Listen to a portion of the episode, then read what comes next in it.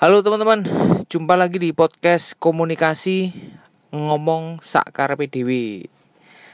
Tapi meskipun ngomong sakar PDW kan, iya emang sih podcast itu kan kita ngomong sendiri, uh, apa namanya monolog sendiri gitu kan, kayak kita siaran di radio itu. Tapi nggak masalah, yang penting uh, konten atau isinya semoga bermanfaat buat kita semua atau bermanfaat buat bagi yang mendengarkan.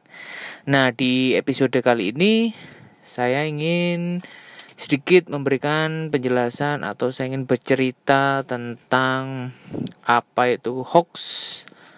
Atau kalau bahasa bahasa ini apa namanya? Kalau intonasi orang Jawa kan hoax. Hoax.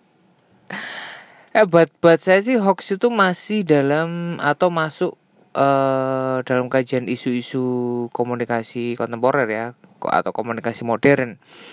Nah, padahal uh, kalau ngomong tentang hoax atau berita bohong atau fake news itu sebenarnya sudah ada dari sebelum muncul uh, internet gitu kan. Kemajuan teknologi juga ternyata masih meninggalkan apa namanya residu Nah, karena memang di luar manfaatnya yang begitu besar buat kita atau buat manusia, ternyata penyalahgunaan teknologi juga apa namanya seakan menjadi satu tarikan nafas ya dengan sejumlah efek positif yang hadir sebagaimana tujuan teknologi diciptakan. Jadi ketika uh, teknologi internet, kita ngomongnya internet uh, berkembang sangat masif dengan menghasilkan sejumlah uh, apa namanya manfaat yang cukup positif ternyata hal itu juga berbanding lurus dengan banyak sekali ditemukan atau uh, penyalahgunaannya juga sangat banyak ternyata. Lah salah satunya adalah uh, fake news atau berita bohong yang sangat marak beredar di uh, beberapa platform online. Apalagi uh, kalau teman-teman saya rasa beberapa dalam kurun waktu 10 tahun ini memang uh, kita di lingkungan terkecil kita di Indonesia misalnya atau di di lingkungan keluarga lah itu sangat sekali muncul atau uh, berseliweran atau berkeliaran fake news fake news atau hoax hoax yang apa ya termasuk udah dalam taraf sangat-sangat memprihatinkan dimulai dari uh, pilkada atau uh, politik lah. Dalam dalam setiap event-event politik itu sangat kenceng sekali. Tidak hanya dari oke okay, kita ambil contoh mulai dari pilkada kemudian uh, pilpres itu sangat sangat marak ya sangat kenceng saya saya nggak mungkin memberikan contohnya di sini satu persatu tapi saya rasa teman-teman uh, mungkin sudah sudah baca itu kan atau sudah menikmati fake news fake news atau berita-berita bohong tersebut. Tidak hanya tersebar di medsos ya saya rasa tapi sudah merambah ya dan ini yang yang paling memprihatinkan adalah uh, berita atau berita bohong dari medsos kemudian tersebar di di Wex WA group. Wah, khususnya di WA group keluarga atau WA group kantor misalnya atau kampus misalnya.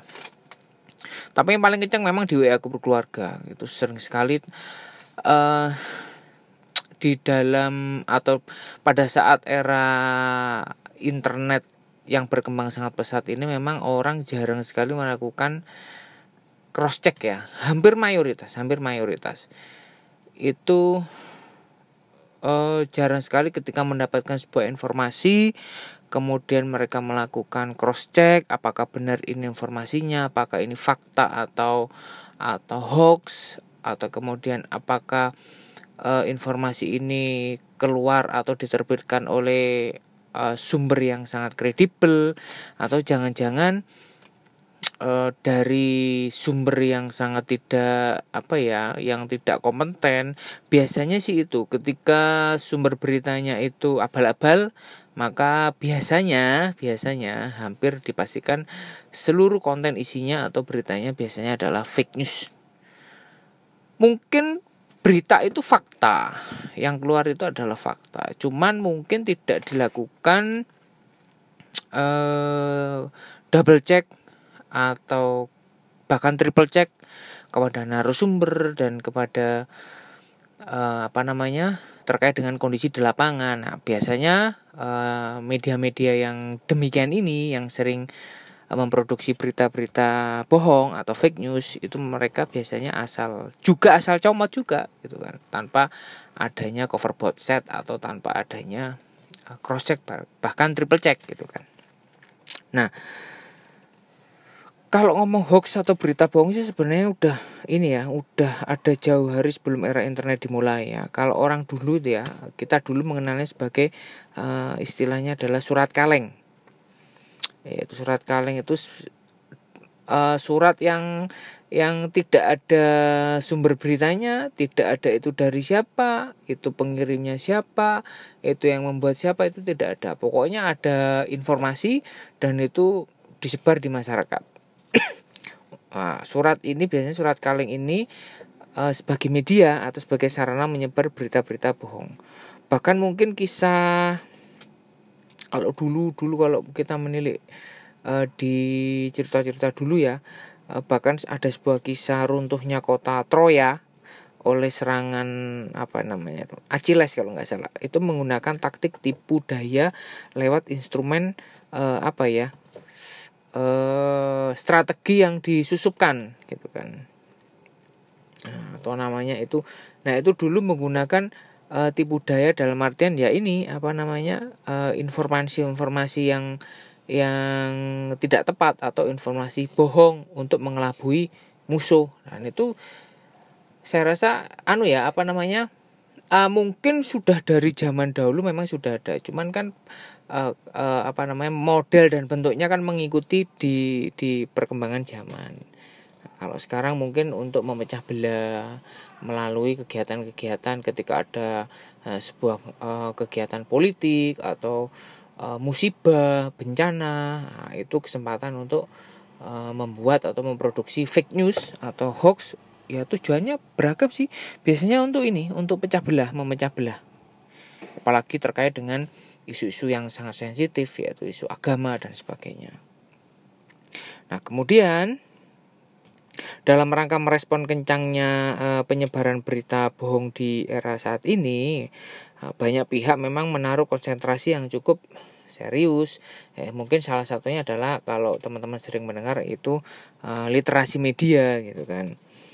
Bahkan ada ada seorang guru besar dari Universitas Malaya kalau nggak salah namanya Abu Bakar Munir itu bahkan menyebutkan bahwa penyebaran berita bohong melalui instrumen atau platform media online ini tidak hanya merusak kehidupan demokrasi suatu negara.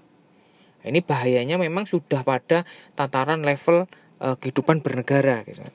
Tapi lebih jauh lagi uh, penyebab runtuhnya uh, tatanan sebuah negara Nah, tidak hanya merusak demokrasi, bahkan mungkin kalau sudah sudah parah sekali gitu kan, itu bahkan dapat menyebabkan runtuhnya tatanan sebuah negara. Ya seperti saya ceritakan tadi, Troya tadi itu gitu kan. Adu domba, kemudian sebar informasi palsu sana sini. Ya kan? apalagi sekarang di era post truth gitu kan di era post truth kan apa yang diyakini itulah yang benar gitu kan nah itu akan sangat menjadi kombinasi yang sangat buruk-buruk sekali gitu kan hoax dan eh, post truth gitu kan. Nah makanya kita perlu sekali lagi kita perlu atau kita paling tidak sebagai orang komunikasi uh, selalu menegakkan apa namanya cross check dan double check uh, menegakkan uh, apa namanya uh, uh, kalau tidak apa ya bahasanya itu mengedukasi. Ya, mengedukasi uh, khususnya misalnya kalau sekarang di di grup WhatsApp itu kan. Coba kalau misalnya ada informasi yang memang itu meragukan kebenarannya atau sangat sangat oh kok ini kok kayaknya hoax ya. Nah kita sebagai orang komunikasi ya memang harus harus ini harus melawan itu gitu kan. Dengan mencari uh, berita yang benar atau mencari uh, berita yang yang sesuai dengan fakta. Kemudian uh, kita share ulang bahwa oh ini loh ini ternyata hoax gitu kan. Bahkan sekarang kan kalau nggak salah Kemkominfo kan sudah merilis uh, apa namanya untuk cross check ya cross check apakah berita itu hoax atau tidak gitu atau fakta. Nah itu bisa kita pakai gitu kan untuk menangkal informasi-informasi yang sudah kadung atau sudah terlanjur tersebar gitu kan. Nah, biasanya kalau kalau orang nggak nggak nggak peduli dengan itu ya dapat informasi mereka langsung meneruskan meneruskan meneruskan. Akhirnya ya tersebar ke mana-mana harusnya makanya ketika ada informasi hoax itu sudah kita konfirmasi sudah kita uh, apa namanya share ulang bahwa faktanya sedemikian gitu kan Nah kita udah harus berhenti di situ, jangan disebar lagi. Kita himbau, udah jangan disebar lagi bahwa itu adalah berita bohong atau informasi yang yang tidak sesuai fakta. Nah, tantangannya memang sangat berat sekali. Nah, kalau dilihat dari segi definisi ya dari konsep, memang hoax itu kalau uh, definisi yang yang perlu saya share adalah hoax itu adalah kabar atau informasi lebih tepatnya informasi atau mungkin berita uh, palsu, bohong, ya kan? Itu pengertian itu uh, saya dapat dari uh, KBBI gitu kan. Hoax itu sama halnya dengan informasi, kabar atau berita palsu atau berita bohong.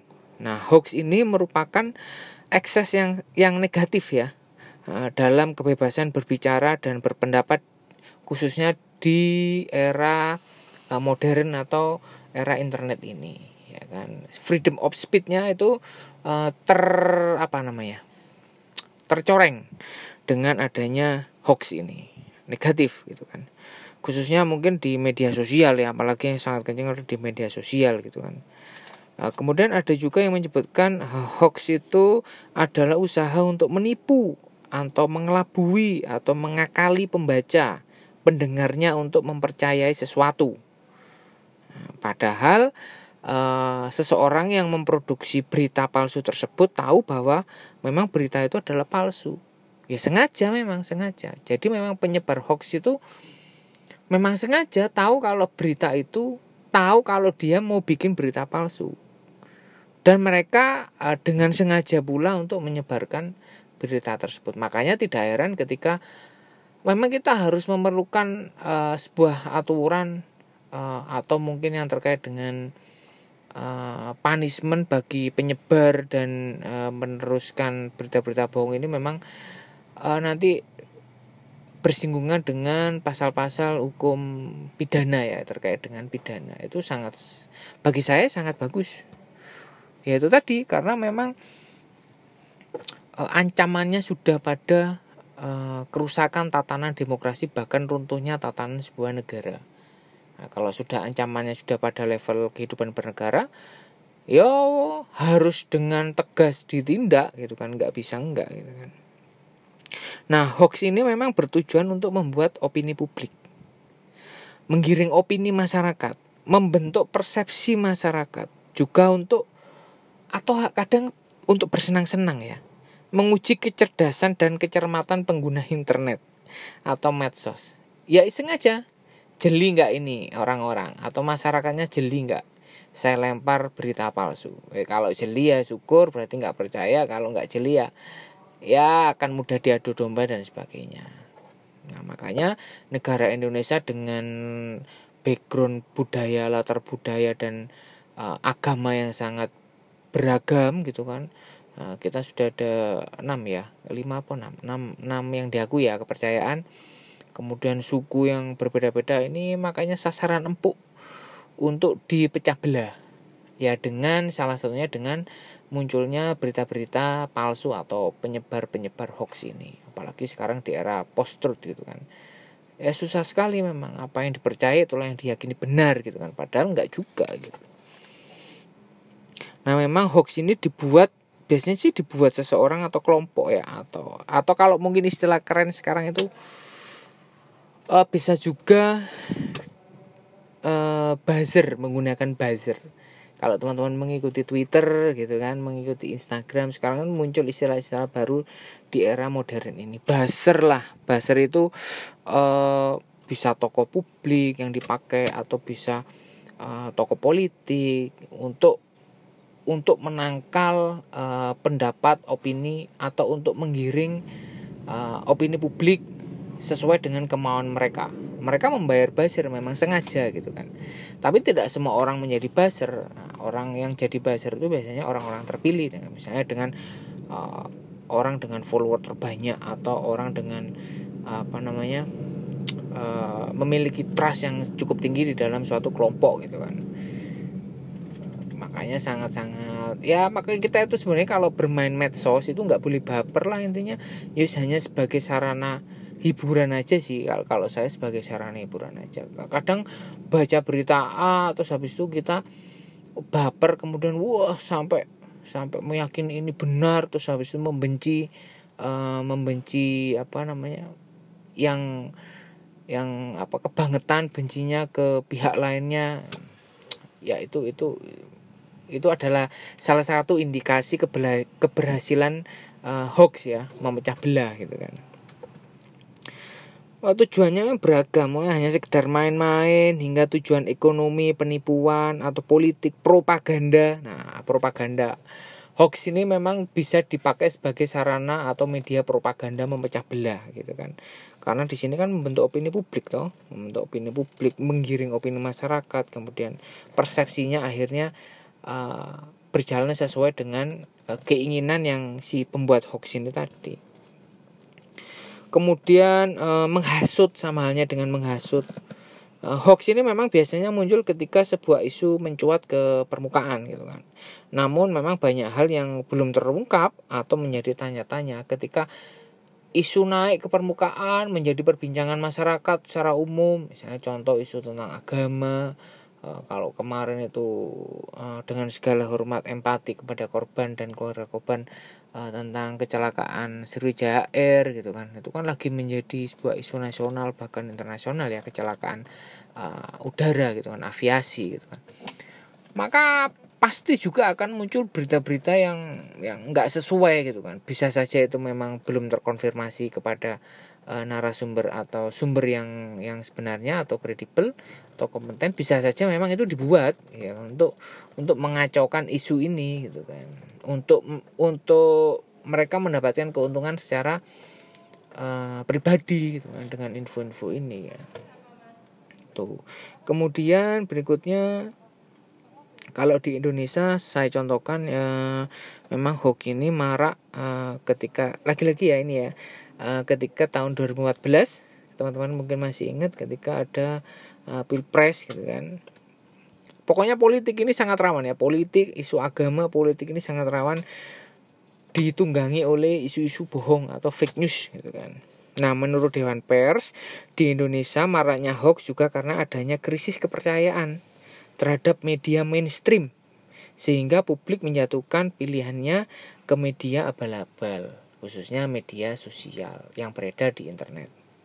Ya, jelas ya bahwa memang hoax ini e, muncul khususnya di Indonesia e, karena adanya krisis kepercayaan karena memang bisnis media itu apa sih sebenarnya? Bisnis media itu ya trust, kepercayaan. Mereka jual kepercayaan. Kepercayaan tentang apa? Ya kepercayaan tentang isi atau konten berita-beritanya. Lah kalau berita atau isinya aja sudah penipu, sudah bohong, ya gimana? Atau mungkin tidak bohong tapi isinya uh, mengandung muatan kepentingan-kepentingan tertentu. Ya atau isinya ujaran kebencian. Ada unsur ujaran kebencian. Ada unsur provokasi. Ya toh. Padahal dari media yang kredibel media khususnya media mainstream ya ah, cetak surat kabar televisi dan sebagainya. Karena ya di saat ini ya nggak ada itu Eh, media yang benar-benar ya mungkin nggak ada lah. Dari dulu sampai kapan pun nggak akan ada media yang independen. Ya toh. Tapi ya paling tidak gitu kan unsur-unsur yang negatif itu ya harus diminimalkan lah. Kalau memang itu tidak bisa hilang 100% Nah kalau sudah rakyat atau masyarakat sudah tidak trust terhadap media khususnya media mainstream ini ya maka kita kita atau mereka ya mengkonsumsi medsos. Padahal medsos itu juga makanya dulu sempat ada ada kabar bahwa uh, Kemkominfo mengeluarkan rilis atau Kemkominfo akan uh, melakukan verifikasi. Nah, verifikasi kepada seluruh media sosial atau online news yang ada di Indonesia. Nah, nanti akan uh, Kominfo akan merilis daftar nama-nama uh, medsos atau online news kayak misalnya Detik, Kompas news.com, tempo.com dan sebagainya.